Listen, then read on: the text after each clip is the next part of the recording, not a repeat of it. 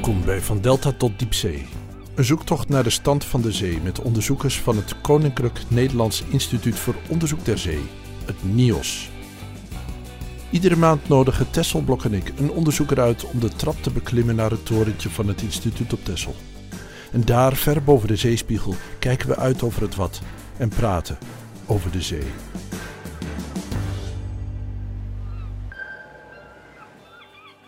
Hoe weet je eigenlijk hoe het ervoor staat met de Waddenzee? Waar kijk je dan naar? Naar het aantal zeehonden? Naar de vervuiling in het water? Naar de hoeveelheid kokkels? Ecoloog en vogelonderzoeker Albert Veld kijkt naar de kanoeten. Een stevig, enigszins propperig steltlopertje wier aantal, gezondheid en vooral ook gedrag heel wat meer verraadt over hoe het met het wat en de rest van de wereld gesteld is dan je op het eerste gezicht zou vermoeden. Ecoloog Albert Beideveld beklimt dus de trap naar het torentje om te praten over de kanoet.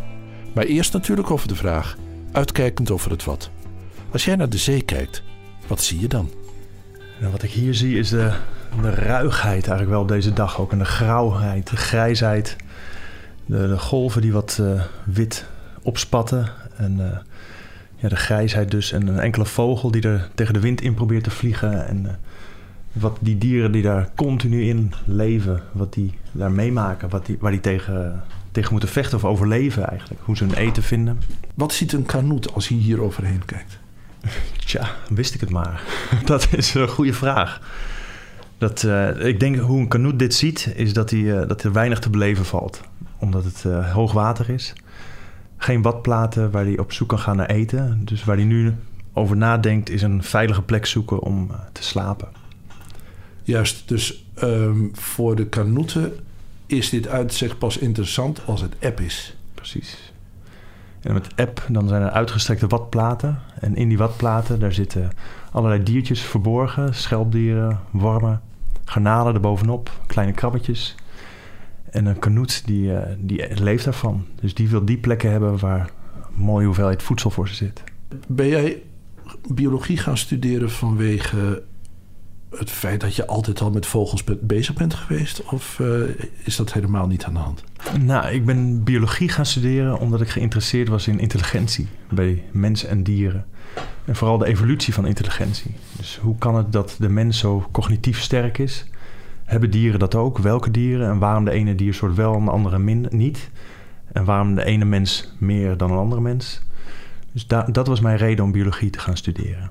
Aha, maar hoe kom je dan bij vogels? Want ik kan me nou niet helemaal voorstellen dat als je zoekt naar een hoge mate van intelligentie, dat je dan gelijk bij vogels terechtkomt. Ik denk eerder toch aan uh, naaste verwanten of uh, walvissen of uh, octopus. Of, ja, dus die twee hebben niet per se, wat mij betreft, met elkaar te maken. Maar het is wel zo dat vogels ontzettend intelligent ook kunnen zijn. En het ligt ook aan een soort papegaai bijvoorbeeld. Uh, wat is intelligentie dan? Wat bedoel je ja, dan met intelligentie? Dat, uh, dat kan je op verschillende manieren definiëren, denk ik. Wat ik ermee zie is dat je...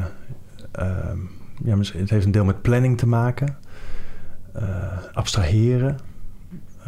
jezelf inhouden om een later doel te bereiken. Maar je kan ook uh, emotionele intelligentie hebben, dus een soort intuïtie. Dat kan ook intelligentie zijn.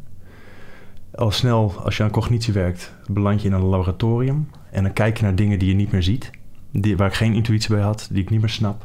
Dus toen had ik een stap gemaakt, ik wil naar ecologie. De richting ecologie. En vooral gedragsecologie. Want dat is toch een uiting van cognitie. Dat dieren beslissingen maken. En zo kwam ik onder andere terecht dus bij een stage in, bij de Universiteit van Groningen. En dat was een stage hier aan het NIOS, waar ik uh, experimenten deed aan competitie tussen kanoeten. En dan had ik dus kanoeten in gevangenschap. En die heb ik um, ja, toen heel goed leren kennen. Dus dag in, dag uit met ze werken had ik een groep van 26 kanoeten. En op een gegeven moment ook die grote individuele verschillen die, uh, die je al zag. Dus de ene vogel, dat, dat zal ik ook nooit vergeten, die was heel erg aan me gewend. En die, als ik dan de kooi binnenkwam om ze te voeren, landde die op mijn hoofd. Af en toe, niet altijd, maar af en toe. En dat was altijd dezelfde? Dat is altijd dezelfde. Hoe weet je dat, dat dat dezelfde was? We hadden ze aan hun pootjes hebben ah. kleine kleurringetjes gegeven. Ze hebben sowieso een metaalring, maar die ja. kan je van afstand niet uh, aflezen. Of van een kleine afstand al niet. Dus geven ze kleine kleurringetjes. Ja. En dat is altijd dezelfde. Ik wil zo meteen terugkomen bij die kanoet die op jouw hoofd uh, komt. Maar even een stapje terug, wat jij zegt. ik wil onderzoek doen aan dingen die je kan zien. Ja.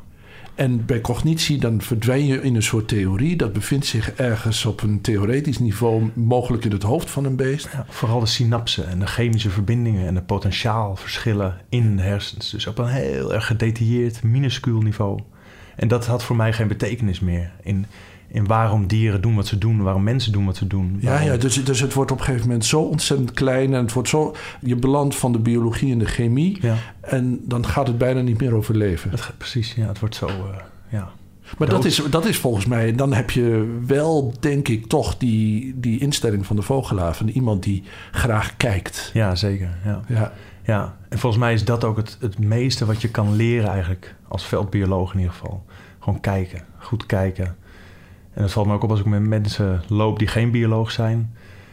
Dan zie ik alles om me heen vliegen, op de grond kruipen. Ik zie dat blaadje net een andere kleur dan een andere. En ja. stel me ook allerlei vragen. Je leert ook vragen stellen. En dat, dat, dus die twee dingen, goed leren kijken en vragen erover stellen wat je ziet. Is het zo dat, dat op het moment dat je dan bij die kanoeten terechtkomt... en je ziet dan eh, dat niet elke kanoet hetzelfde is... maar dat er verschillen zijn tussen het ene beest en het andere beest...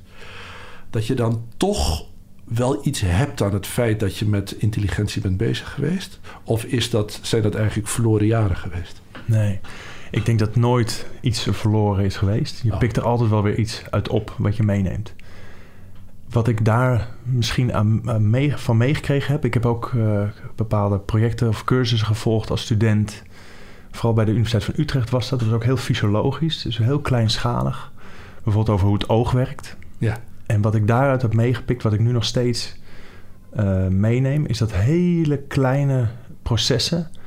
Dus eh, bijvoorbeeld eh, in neuronen die wel of niet vuren, als er een bepaald licht of geen licht opkomt. Ja. En hoe dan de organisatie van neuronen, dus de structuur van hoe neuronen in je oog zitten, in je netvlies, achter je netvlies, dat dat al bepalend is voor wat je kan zien. Ja. Dus dat dat soort kleine effecten op een grotere schaal hele andere oorzaken teweeg. Bijvoorbeeld zoals je beweging kan je zien omdat er een bepaalde afstand tussen je eh, neuronen op je netvlies zit. ja. Daarom kan je beweging zien, omdat die dan vuren op een bepaalde afstand van elkaar. En dat soort kleinschalige processen, hoe die dus doorwerken op grote processen. Maar die kleinschalige processen die gebeuren niet in isolement. Die gebeuren Ja, op massale schaal. ja. Dus één eh, neuron vuurt Ja. en op zich is dat niks.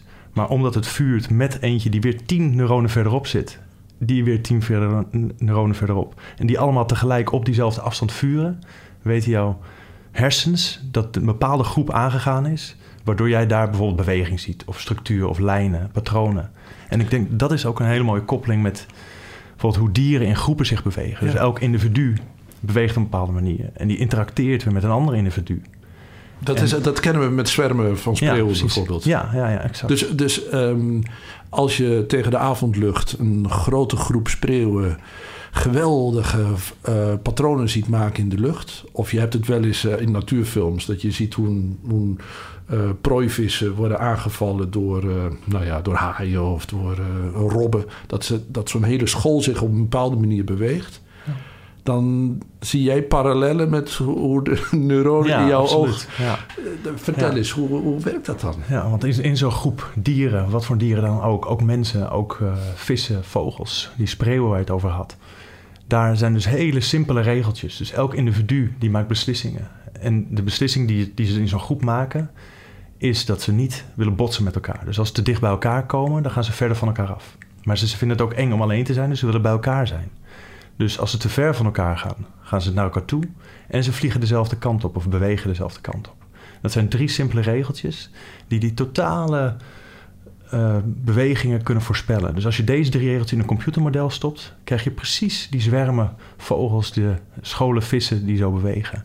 Wat, wat, Dus wat- wat, wat, zie, wat zie jij in zo'n... Zie je dan een, eh, als zo'n wonderlijke school zich op, op verschillende manieren beweegt... zie je daar een soort chaos in of zie je daar een patroon in? Ja, prachtige patronen. Ja, ja. Ja, dus echt een, een, een- ja, maar sowieso op grote schaal. Dat je de, een soort van dans van die dieren, hoe die wat uitdunnen en dan weer dichter bij elkaar komen, achter elkaar langs gaan. Dus je krijgt kleurverschillen. Dus hele grote structuren. En om ook over die neuronen terug te komen. Dus wat mensen vroeger dachten, is van dit zijn gecoördineerde processen. Ja. Welk individu is de leider? Wie stuurt dit aan? Hoe doen die dieren dat? Ja. Maar eigenlijk zijn het dus niet dit soort gecoördineerde processen op hoger niveau gecoördineerd. Maar dat zijn de individuele beslissingen die één vogel maakt met die drie regels die ik net zei. Er zijn drie regels, die gaan altijd op. Het individu heeft er baat bij. Wat is de baat wat het individu erbij heeft? Ja, dus op, op deze schaal is het eh, dat ze niet te dichtbij willen komen dat ze dan botsen. Als ze te ver van, elkaar- van elkaar vandaan komen, dan verlies je aan veiligheid. Dus als er bijvoorbeeld een slechtvalk achter die spreeuw aangaat of een, eh, een boomvalk of zoiets. Die pakt dan die individuen die er alleen zijn, aan de randen van zo'n groep. Dus je hebt ook baat bij dichter bij die groep gaan.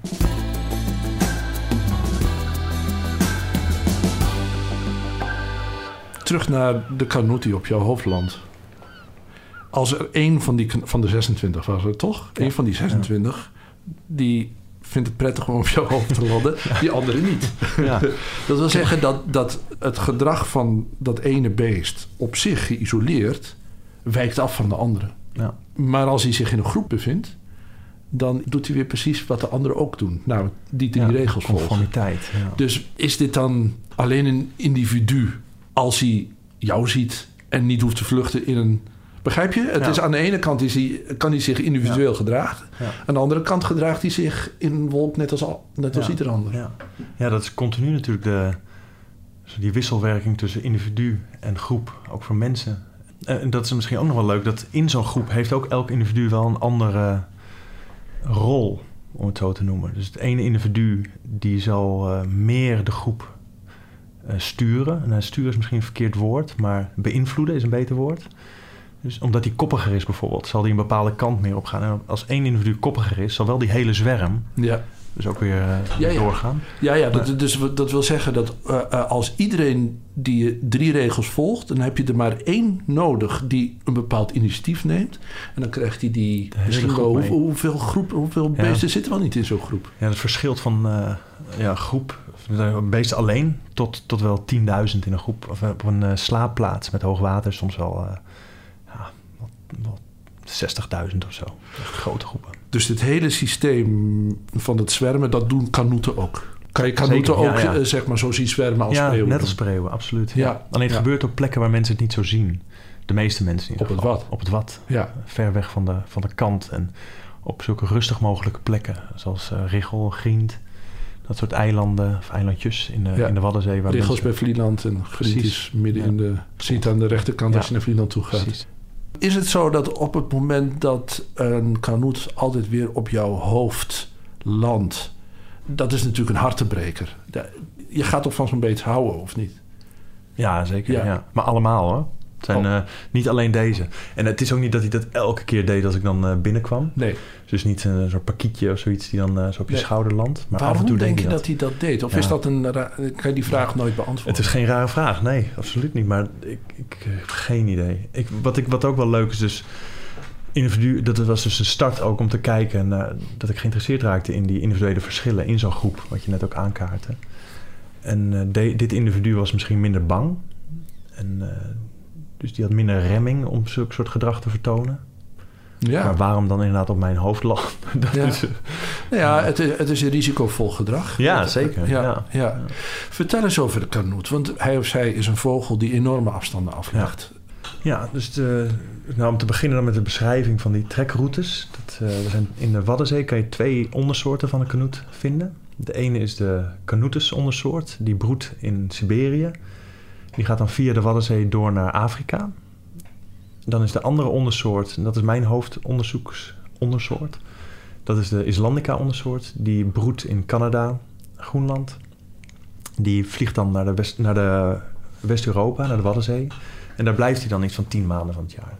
Dus die blijft, Oh, in die blijft West-Europa. hier Ja, die blijft tien maanden van het jaar in West-Europa. Ah, En ook sommige op Wad hier. dus dat is wel iets meer onze kanoet. Dat is wel onze kanoet. Ja, Ja, die ja. is twee maanden van het jaar is die in, eh, in het broedgebied. Maar- en dan leggen ze dus iets van 6000 kilometer af hè, naar, naar Canada, Waddenzee. Dat is, eh, Dat is een heel behoorlijk afstand. Ja, En en, en je moet een, moet een groot stuk open water over. Ja. Dus eh, er zijn twee manieren om dat, of drie manieren eigenlijk om dat te doen. De ene is een beetje via Engeland, IJsland. En dan kunnen ze een tussenstop hebben op IJsland. En dan door naar eh, Groenland, Canada. En de andere route is via Noorwegen.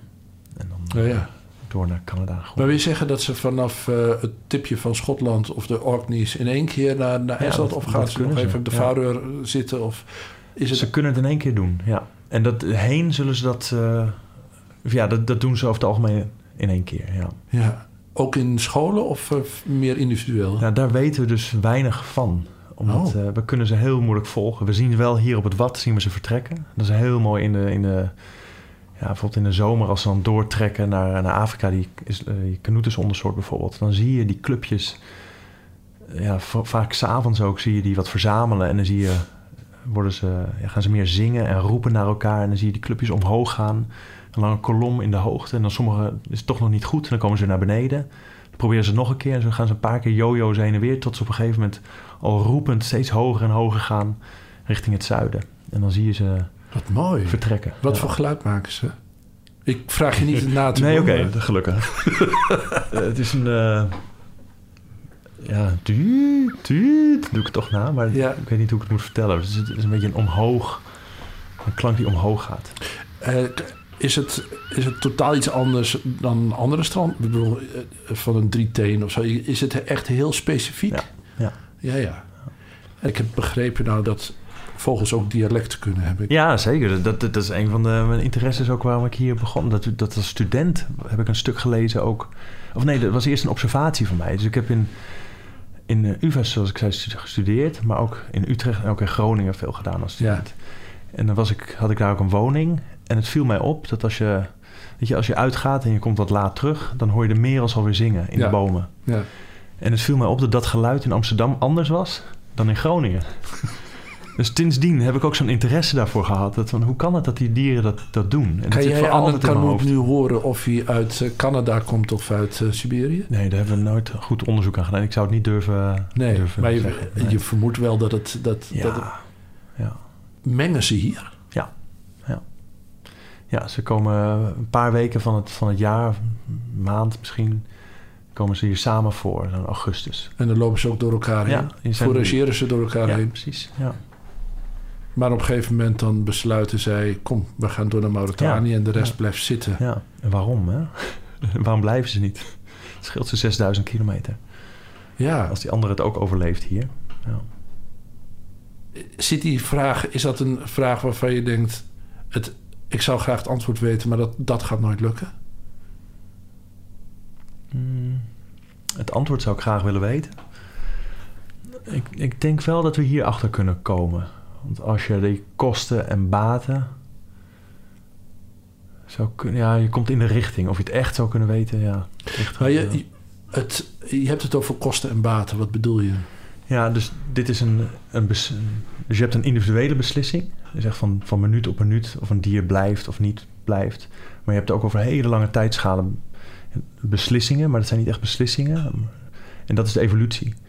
Dus er zijn dieren die een bepaalde beslissing genomen hebben, die we overleven of niet. En als die beslissing overerfbaar is, zal die keuze zal ehm, evolueren. Of de dieren met zo'n soort keuze in zo'n omstandigheid zullen evolueren. Ja, En dus de oorsprong van die twee ondersoorten in de Waddenzee zal met dat soort keuzes te maken hebben. En daarom zeg ik kosten-baten. En als, het, als de baten hoger waren dan de kosten, is er een evolutionaire geschiedenis die dat. ehm, je bedoelt het in feite... dan selecteert het zichzelf wel uit. ja, en, ja, of ontstaat het juist. Ja. Dus, dus als er straks, je ziet bijvoorbeeld met brandgansen, er waren geen broedvogels hier in Nederland en nu heel veel. Ja. Dus er is één individu geweest, of een paardje, die heeft besloten, laten we maar niet gaan. Of dat zal niet zo'n bewuste... Ja, Nee. Dat is dus de vraag over cognitie weer. In hoeverre... Nee, wie weet wat er in het spel was. Ja, Hè? Misschien Ja, maar- zaten ze graag op het hoofd van een schaap. ja, ja, nou precies. Misschien vonden ze groen wel fijner eh, hier dan wit elders. Ja. Dus wat zijn dan die keuzes geweest? Of is het wel een keuze geweest? En eh, was het gewoon luiheid? En uiteindelijk is dat een succesvol, su- succesvolle strategie. Ik heb begrepen dat het met die ganzen zo is dat een bepaalde. Het heeft ook te maken met het gras. Eh, maar dan denk ik meer aan de rotganzen, omdat die zo geïnvesteerd hebben in lichtheid en eh, stroomlijn. Dat ze eigenlijk veel beter gedijen op een zeer jong soort gras. En Ja. dat ze dus altijd daar moeten zijn waar het gras heel jong is. Ja. En, maar als een gans het kan bedenken, dan moet een kanoet het toch ook kunnen bedenken? Of is een gans intelligenter dan een kanoet? Ja. Maar bedenkt een gans het wel? Hmm. Dus ik denk dat, eh, dat wij, net zoals met die vluchten zeggen, vogels... als het zo kan overkomen, Ja. dan kan het kanoet Maar ik denk dat dit onderscheid wel een hele belangrijke is. Want mensen hebben de neiging om ergens een hogere gedachte achter te zien. Dus dat het intelligentie is of een, een rationele beslissing voor zo'n gans om te blijven. Voor zo'n groep spreeuwen of kanoeten om in zo'n gecoördineerd ogende groep te vliegen. Hmm. Dat daar iets achter zit. Een, een, eh, of een hogere macht zelfs Ja, erachter ja. zit. Ja. Dus wij hebben heel erg de neiging dat soort ehm, oorzaken te geven. Zo'n duiding. Maar misschien was die beslissing wel minder een beslissing zoals wij die zien als een beslissing. En gebeurde het gewoon. En was het succesvol.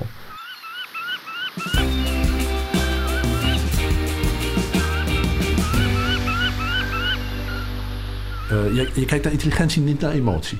Of kijk je wel naar emoties Ik zou wel willen, maar dat is moeilijk. Kijk, je moet, als je het wil onder, dus ik als gedragsecoloog ehm, moet je het kunnen meten en onderzoeken. Emotie is iets. Ik zou niet weten hoe ik dat bij dieren moet bekijken. Nee. Mensen kan je vragen hoe ze zich voelen en dat soort zaken. Maar bij dieren, dat is. eh, ja, ik zie niet hoe dat moet. Nee. Nee. Maar ze hebben het denk ik wel. Maar dat is meer denken Ja. dan. eh, ja. Ik, eh, ik had drie kippen. En een van die drie kippen, die, daar kon ik heel goed mee overweg. Dat Ja. wil zeggen, die, eh, dat was degene die dichtst bij me kwam. En eh, die ook eh, zich het beste liet oppakken of aaien. En op een gegeven moment werd hij ziek. En het, nou, het was heel onaangenaam en zwol helemaal op. Volgens mij was hij vers- verstopt. Dus ik ben ermee naar de, naar de dierenarts gegaan. En bij de dierenarts in de wachtkamer krop je helemaal tegen me aan. En is er dan iets tegen om te zeggen hij is bang en hij, eh, hij voelt de emotie van angst en een vogel kan dan ook bescherming zoeken? Is dat, is dat te ver wat jou betreft? ik heb daar helemaal niks op tegen. En Nee. Dat, eh, nee, zeker niet. Maar als wetenschapper is het anders als, als mens. ja, ja. Als wetenschapper moet je het kunnen meten. ja. Dus als jij die kip dat ziet doen, je hebt zo'n band met hem, interpreteer jij dat gedrag op een bepaalde manier. Ja. Dat hij affectie zoekt bij jou, veiligheid. ja.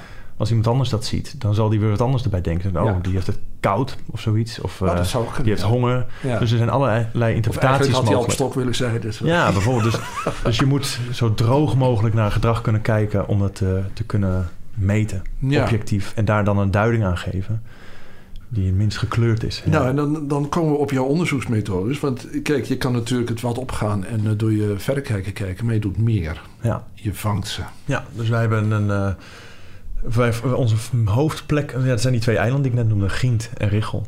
Dat zijn plekken die heel fijn zijn voor kanoeten. En eh, die zijn dus in grote getalen te vinden en daar vangen wij ze. Ja. Ja. Hoe gaat dat? Is dat... eh, Ja, dus dat, eh, we gaan met een schip gaan we die kant op. De, op het eiland Gient staat een klein huisje van natuurmonumenten. Daar mogen wij dan in slapen. En op Richel gaan we vaak eh, met ons eigen schip waar we slapen. Of er staat een wattoren, een soort mobiel huisje, een ponton met een huisje erop waar we dan kunnen slapen. ja, want op Richel staat niks. Hè? Er staat niks, nee. En dan, eh, we gaan met nieuwe maan die kant op. Een nieuwe maan omdat het dan heel donker is. Dan weten we ongeveer waar die vogels vliegen. En dan op de route van die vogels, want die gaan dus ook met opkomend water, worden ze naar de kanten van het eh wad gedrukt. En daar gaan ze dan overtijen. En als ze dan weggedrukt worden, die routes die ze dan vliegen, daar zetten wij dan haaks op netten. Dat zijn een soort volleybalnetten, dus stokken met eh, netten ertussen. En het moet nieuwe maan zijn, omdat, wij, omdat het zo donker moet zijn dat ze die netten niet zien. Dus dat het, en we het vangen ook s'nachts. eh met weinig wind. Dus eh, anders horen ze de netten. Dus een hele beperkte conditie. Geen regen, weinig wind, zo donker mogelijk. Dus voordat jullie gaan, kijk je naar de weersverwachting en, eh en de stand van de maan. Ja. Nou, niet voordat we gaan. We gaan gewoon, ja, als het echt heel slecht is, dan gaan we gewoon niet eens weg. Nee. Maar we gaan vangen in periodes van een week.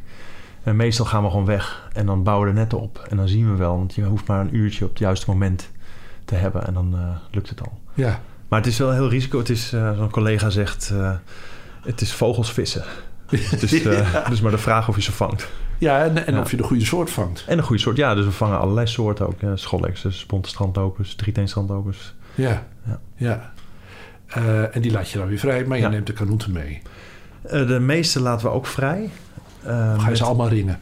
Ja, we ringen ze. We meten op hoe lang de vleugel is, hoe lang de snavel is, hoe lang de pootjes zijn. Om een soort maat te krijgen van de dimensies van zo'n dier. Want sommige zijn groot, sommige zijn klein. Er zijn hele grote individuele verschillen. En we meten het gewicht. Sommige zijn zwaar, sommige zijn licht. We meten ehm, ja, dus, dus met een eh, echoscoop. Dus net zoals bij zwangere vrouwen. waar je de baby in de buik kan meten. Zo kunnen we bij de kanoet dus de vliegspier meten. Dus hoe dik die spier is. En ook de maaggrootte. Dus uh, hoe, groot, hoe groot die spiermaag is van die kanoeten. Moet even iets zeggen over wat ze eten? Ze eten schelpdieren. Over Gewoon hele schelpdieren, hele slikken ze naar binnen. Ja, die slikken ze in zijn geheel in. Ja, dus de dier... Zo tot uh, ja, kokkeltjes, nonnetjes, uh, ja. mosseltjes. En allemaal tot een grootte van uh, nou, ongeveer 16 mm. Dus anderhalf centimeter. Die slikken ze dan in zijn geheel in. En dan in die maag die ik net zei... dan kraken ze die schelpjes kapot.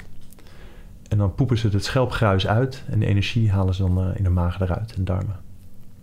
Is dat te horen? Kan je, kan je, kan je mijn uh, promotor, Teun Spiersma, die had het een keer gehoord. Ik heb het nog nooit gehoord. dus misschien met een beetje, nou ja, dagen, ik weet het niet. Het zou wel mooi zijn, maar ik heb het nog nooit gehoord. Nee, nee, oké. Okay. Ja. Uh, dan, je neemt een select aantal, neem je mee hier naartoe. Ja. Uh, ja. Is dat random of selecteer je ze op een bepaalde eigenschappen uit? Nee, nee dat is nou, helemaal willekeurig ook weer niet. Want je, als je dieren vangt, dan heb je bijvoorbeeld jongen erbij. Je hebt volwassen dieren en vaak willen we één groep. Dus, dus vaak volwassen dieren. Dus een beetje de, kanoten die op elkaar lijken? Nou, die dezelfde levensstadium hebben. Dus ja. hoeven niet op elkaar te lijken. Want dan kijk je juist naar die verschillen. Dus ze moeten ook wel verschillend zijn. Maar dan, als je dan één jong vergelijkt met de rest allemaal ouders... dan, ja, dan is, kan het het jong zijn, omdat hij jong is, ja. of iets ja, anders. Dus je moet verschillen uitselecteren. Uit, ik bedoel, ja, een hele grove selectie. Ja, een hele grove selectie. En dan nemen we een deel dus mee. Maar de meeste laten we wel los. Direct met, ook met kleuringen. En met een zender. En je doet dat buiten de periode... dat de kanoeten die je niet wil hier niet zijn, neem ik aan. Soms ook binnen die periode. En hoe weet je dan het verschil? Ja, want ze ruien pas hier. Dus ruien is dat ze de, het hele verenkleed uh, wisselen. En dat doen ze pas in de Waddenzee, of in hun wintergebieden. Dus de Islandica-onderzoek, die blijft hier, die is dan al aan het ruien. Dus dan zie je de vleugelpennen die al uitgevallen zijn. Of borstrui die bezig is. Dan zie je die kleine pennetjes uitsteken uit het vel. En dat moet dan een Islandica zijn. En, als en, nog en helemaal, de Siberische die, die ruit in Mauritanië? Die, ja, precies, in Afrika. Dus ja. als ze hier nog helemaal rood zijn en ook heel dik... want ze moeten nog 6000 kilometer vliegen. Dus ja. er zijn echt pakjes boter bijna. Dus heel dik en geen rui, dan is de kans heel erg groot dat het een uh, Afrikaan is. Pakjes ja. boter? Ja.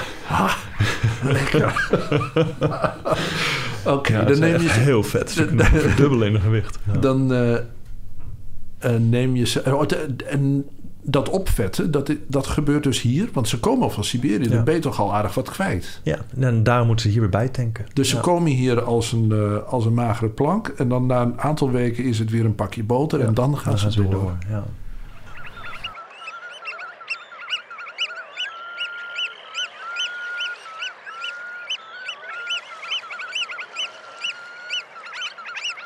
Goed. Je hebt er een stuk of, laten we zeggen, 26 of uh, 80 of hoeveel neem je er mee? Dat ligt helemaal aan het experiment okay. of de observaties die we willen doen. Dus en dan neem je ze mee hier naar Texel? Ja, naar Nias. Ja. En dan uh, uh, stop je ze in hokken en dan ga je, ja. ga je dingen doen? Ja, dan hebben we vliegkooien en uh, daar houden ze in. hebben we een klein watje nagebootst. En dan kunnen ze lekker in prikken. En, want dat is ook het mooie van deze je soort. Hebt een, dat, dat moet, je hebt een watje nagebootst. Je bedoelt, je hebt, een, je hebt iets wat je laat onderlopen en weer wegloopt en onderloopt. Dus pompen hier op het Nias zout water naar binnen. Ah, ja. En dat filteren, dus is gewoon helemaal schoon water. En dat zoute water dat gaat over de vloer heen. En uh, daar staan ze in. En er is ook een klein, dat is een betonnen vloer. En dan daarachter een zandbak. Waar ook dat zoutwater instroomt. En dat is het watje wat ik bedoel. Zijn ze al gauw op hun gemak? Ja, ja, dus dat is het mooie aan kanoeten. Als je die uit het wild vangt, een dag later zijn ze al, uh, al helemaal gewend eigenlijk. En niet helemaal, maar behoorlijk gewend. Dus, en ze zitten gewoon stil. Ze vliegen zichzelf niet uh, te pletter steeds tegen de muren. Of Want ik kan, ja, ja, maar ja. En jullie zorgen gewoon dat er voldoende nonnetjes en, uh, ja. en, en bokkeltjes erin zitten. Eigenlijk hebben ze het wel goed naar hun zin. Ja, dat denk ik ook wel. Ja. Het is ook veilig. Ze worden alleen af en toe uh, gevangen en gewogen. En uh, observaties losgelaten in een bepaalde conditie en dan observaties geven. Er zit een kanoet in een kooi en die kan uh, kanoeten zien links en dan kan kanoeten zien rechts. En links hebben ze te eten en rechts hebben ze niet te eten. En dan, wat dan? Ja, dus ten eerste wat ook belangrijk is, is dat, dat, die, dat eten, dat, zit, dat zijn kleine mosseltjes, die zitten begraven in het zand. Ja. Dus je ziet, die vogel in het midden ziet het eten niet. Die vogel in het midden kan alleen maar kijken naar zijn soortgenoten. En dus in de gaten houden of, uh, of er ergens eten gevonden wordt of niet. En daar heeft hij dan een minuut de tijd voor. En na een minuut trekken wij die aan een, uh, ergens geblindeerd achteraf trekken wij aan een touw en dan gaan die deuren open. En dan mag die vogel in het midden, die mag kiezen tussen de ene kant of de andere kant. En dan blijkt dus dat ze in de meeste gevallen dus ook kiezen voor die kant waar het eten zat. Dus, waar de, dus dan hebben ze, dat leert ons dat ze dus gelet hebben op het succes van hun soortgenoten. Ze kijken af. Ze kijken af, dat is het ja. Ze kijken af en dan... Terwijl voor ik heb naar die filmpjes gekeken. Ik zie niet het verschil tussen de ene en de andere kanoot. Ik zie niet het verschil tussen de kanoot die wel te eten heeft. Want die gaat gewoon met zijn snavel uh, de grond in. En de andere die heeft niet te eten. Die gaat ook met zijn snavel de grond in. Maar dat zijn gewoon twee. Ja.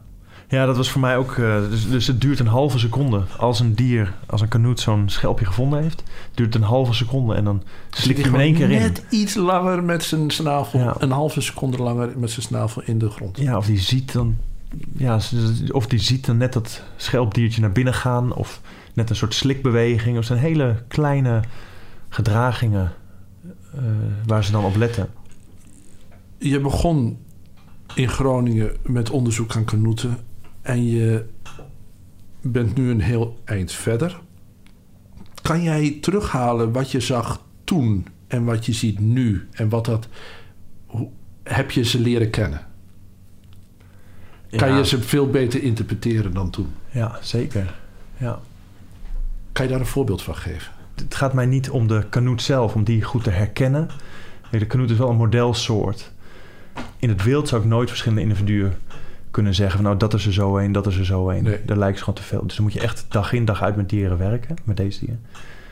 En in het wild is het toch, ja, is toch een grote groep, maar je begrijpt wel meer die individuele aspecten ervan. Dus hoe ze verschillen in persoonlijkheid bijvoorbeeld, of hoe ze verschillen in grootte en wat voor consequenties dat heeft voor, voor hoe je ze hier ziet vliegen. En, of niet ziet vliegen, omdat ze ergens anders naartoe gegaan zijn. Ja.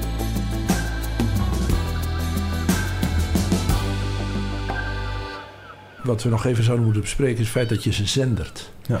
Dat zijn dus beestjes met hele lichte... door Cornell University, geloof ik, ontwikkelde zendertjes... Die, die je op een veren plakt. En die dus ook afvallen tijdens de rui. En daarmee kan je ze volgen. En dan zie je ook hele grote verschillen tussen beesten... die eigenlijk wat veel meer op hunzelfde plek blijven... en andere die heel erg heen en weer gaan. Ja, ja precies. Dus die, al die... Uh ook om daar terug die details over individuele verschillen, die maken. Dus uiteindelijk gaat het erom hoe ze ook in het veld, wat voor consequenties dat heeft en hoeveel kanoeten er in de Waddenzee zitten. En met die zenders kunnen we dus zien dat, dat uh, bepaalde individuen die we dan het gedrag gekwantificeerd hebben in het lab, dus die heel, eh, wat we dan exploratief noemen, dus die gaan van in het lab van bak naar bak, zonder dat er eten zit, zijn ze heel erg aan het zoeken naar iets. En als je dan dat, dat nog een keer erin in zo'n uh, ruimte laat, zijn ze weer aan het zoeken. En andere dieren die je in zo'n ruimte laat, die zijn het helemaal niet aan het doen. En als je die dan loslaat met zenders, dan zie je dat die beesten die op vier vierkante meter heel erg exploratief waren, dat ook in de Waddenzee doen. Die gaan van plek naar plek. Dus dat, en dat zien we dus aan de hand van die zenders. En we zien zelfs dat die dieren ook weer naar Engeland verdwijnen. Dus gewoon uit de Waddenzee gaan. Je wilt er niet zeggen dat ze even gaan eten in Engeland en, en weer terugkomen? Niet eventjes, nee. Maar wel, dus ze komen hier aan, zo'n beetje juli. Ja. Dan uh, zijn ze in de Waddenzee. Het is een hele rijke tijd rond die tijd in de ja. Waddenzee. Dan ruien ze naar een nieuwe winterverenkleed. Ja. En een deel van de populatie die blijft hier dan de hele winter. Ja. Maar een ander deel van de populatie die gaat weg naar andere plekken. Waaronder Engeland. Waaronder Engeland. En die komen dan in het voorjaar waarschijnlijk weer terug, is het idee. Dus oh, die gaan niet even op en neer, maar wel over een paar maanden gezien. Je, blijft je maar afvragen, als je toch zoveel is, waarom blijf je ja. niet? Dus er moet een soort evolutionair voordeel voor zijn. Nou, dat, dat denk ik. Uh, dus wat ik denk dat er aan de hand is, is dat ze allemaal hetzelfde evolutionaire voordeel hebben. Dus er is geen verschil in die zin. Alleen ze doen het anders. Want wat we ook hebben kunnen aantonen, is dat de hoeveelheid kanoeten die je hier in de Waddenzee hebt, die geteld worden, die fluctueert nogal. En die fluctuaties, dus die aantalsveranderingen van kanoeten, die kunnen wij correleren of die kunnen we verklaren aan de hand van het voedsel wat hier aanwezig is. Mm -hmm. Dus als er heel hoog kwaliteit voedsel veel aanwezig is, dan zijn hier heel veel kanoeten. Als dat in een jaar minder is, door wat voor reden dan ook, dan zullen de aantallen minder zijn. En dan is nu dus het idee, daar hebben we eerst aanwijzingen voor, dat dat dus bepaalde dieren zijn, die exploratieve dieren, die van hot naar her gaan, die dat als eerste weggaan. Oh ja. Maar dat is niet zomaar willekeurig dus, maar die willen gewoon beter voedsel hebben. Dus als het hoogkwaliteit voedsel hier niet is, gaan ze op zoek naar dat voedsel elders. En dat is ook een voordeel voor de achterblijvers, want er zijn minder concurrenten. Ja, dus uiteindelijk heeft het hetzelfde, Juist. Uh, de payoff, uh, de kosten-baten. Dus als we die vogels loslaten met zo'n zender of gewoon zonder zender, gewoon, dan hebben we zo kleuringen. En aan de hand van die kleuring is elk individu individueel herkenbaar. Heel veel vrijwilligers die lezen die ringen af. En dan kunnen we overlevingsanalyses doen. En dan zien we dus ook dat die dieren die exploratief waren, dat die dezelfde overleving hebben als die Oh, dieren ja. die niet exploratief waren. Ja, ja, dus daar zit het voordeel niet. Dus dat balanceert helemaal Juist. uit. Ja. Ja. Maar je kan dus ook aan het gedrag van de beesten zien hoe het is gesteld met de bodemlevende Waddenzee. Ja. Dus je kijkt niet alleen maar naar de vogel, je kijkt in feite naar de kwaliteit van of de, de stand van zaken van het hele systeem. Ja, ja.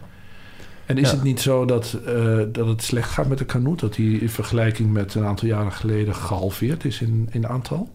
Eh, dus er zijn twee eh, ondersoorten, zoals ik al zei. Dus de eh, ondersoort, daar gaat het niet zo goed mee. Dat die is- neemt af. Die dat gaat naar Afrika. Ja. Maar de Islandica ondersoort, die hier overwintert, die is al heel veel jaren stabiel. Oh, Alleen als je kijkt naar de aantallen in de Waddenzee, dan zie je dat er dus een enorme dip zat. Maar dat nu de aantallen weer aan het terugkomen zijn. had het met de kokkelvisserij te maken. Dat is een van de, van de verklaringen geweest. Ja. Ja. Maar dat dus, en dan hebben we dus gekeken. Dus dat was ook een aanknopingspunt toen mijn promotieonderzoek was. Dat, er- dat er dus hele lage aantallen kanoeten waren. En het idee was altijd dat, dat die dood waren. Maar door dit onderzoek naar die persoonlijkheden kwamen we dus achter dat het bepaalde individuen waren die hier weggegaan zijn omdat de voedselcondities slecht waren. Maar toen de voedselcondities weer beter waren, dat ze weer teruggekomen zijn. Klinkt heel weerbaar eigenlijk. Ja. Kijk, er zal een punt zijn waar de overleving echt omlaag gaat. Want nu zijn er dus, eh, dus nu gaat de overleving niet omlaag omdat er nog alternatieven zijn. Bijvoorbeeld in Engeland of in Frankrijk, Ja. Duitsland. Maar op een gegeven moment, als er te veel gebieden slecht gaan, dan zal toch echt die, eh, de overleving omlaag gaan en de populatie omlaag gaan. En hoe zit het met global warming? Het feit Ja. dat ik, ik heb altijd begrepen dat vogels, zeker trekvogels die, die naar het noorden gaan, altijd precies op tijd aankomen. Maar ik heb ook begrepen dat het in feite in het noorden verschuift. Ja. Is het zo dat kanoeten nu ook eerder naar het noorden gaan omdat het daar eerder lente is? Of eh, komen ze, houden ze nog vast aan dat oude patroon? Ja. ja, dat moeten we nu onderzoeken. Dus met die zendertjes kunnen we dus kijken wanneer ze ook uit de Waddenzee gaan. Dus, dus eigenlijk weten we dat niet Nee. goed. Ja. Nee. Zij komen aan in het noorden op het moment dat daar veel insecten zijn. En Ze komen aan als er nog sneeuw ligt. Ja. En net, ze moeten precies op die grens zitten, van dat het sneeuwvrij wordt. Ja. En dan kunnen ze een nest bouwen. En ze willen het zo timen, is het idee... dat als die kuikens uitkomen... dat die kuikens de insectenpiek hebben. Juist. Ja, Maar de sneeuw is eerder weg. ja, ja. Maak je je daar zorgen over? ja zeker. Ja. Want eh, die kanoeten die broeden zo'n beetje op het meest noordelijke stukje van onze aarde.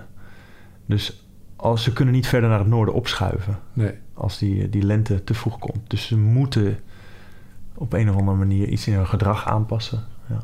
Maak je je überhaupt zorgen? Is, is, is het onderzoek naar een kanoet vroeg of laat een bron van zorg? Ehm, alles is een bron van zorg. En alles is ook, nee, maar alles is ook niet een bron van zorg. Dus het is maar net hoe je ernaar kijkt. En eh, ik denk dat hierin. ehm, toen ik als eerste op Gient kwam als student, als masterstudent, toen was er bijvoorbeeld een, een grote zandplaat rond Gient. En daar was bijna niks. Dan zag je alleen maar zand. In nu ben ik er, nou, zeggen, 15 jaar zo'n beetje geleden voor het laatst. Dat was ongeveer 15 jaar geleden. En als ik er nu loop, en dat heb ik langzaam zo zien veranderen, en dan zie ik mosselbanken.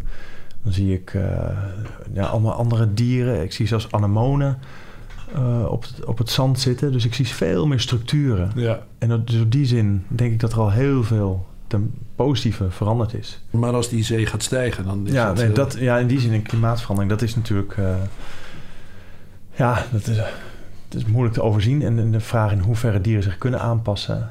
En eh, ze zijn weerbaar. Ja, we moeten wel echt iets doen. Dat wel. En ik denk ook terug aan, aan de Waddenzee hoe het was. Met al die veranderingen die er al waren. Dat je ja, dolfijnen, zalmen, zeegas... Voor die afsluitdijk bijvoorbeeld. Ja. Dus zo'n mooi gebied. Ik hoop zeker niet dat we nu ook in zo'n soort eh, historie leven over 20, 50 jaar. Dat er dus klimaatverandering is en dat dit allemaal weg is. ja, ja. Maar dat, dat, ja, dat over, over, over 25 jaar eh, zeggen van... eh, 25 jaar geleden zag het er goed uit. ja, ja, precies. Dat hoop ik niet. Maar het is wel een glijdende schaal. Nee. Ik, eh, ja. Het is moeilijk te... Ik word er niet depressief van. Nee, wat doe je ermee? Dus ik, ja, ik hoop dat mijn onderzoek ook wel wat bijdraagt aan, uh, aan uh, awareness of bekendheid. Uh, en dat we toch met z'n allen iets kunnen doen. Maar ik heb ook weinig hoop in die korte termijn keuze van de mens. Als je iets op korte termijn kan krijgen, dat weegt zwaarder dan op korte termijn iets laten om op lange termijn iets te krijgen. Ja. Dat zie je bij dieren ook. Die, Wat dat betreft is het niet zo best veel verschil in intelligentie tussen. Nee, totaal niet. Nee, nee, totaal niet. Dan zijn we het ook bij het begin. Ja. ja. ja. Alle, mag, ik je, blijven, oh, mag ik je hartelijk bedanken voor dit mooie gesprek. Graag gedaan.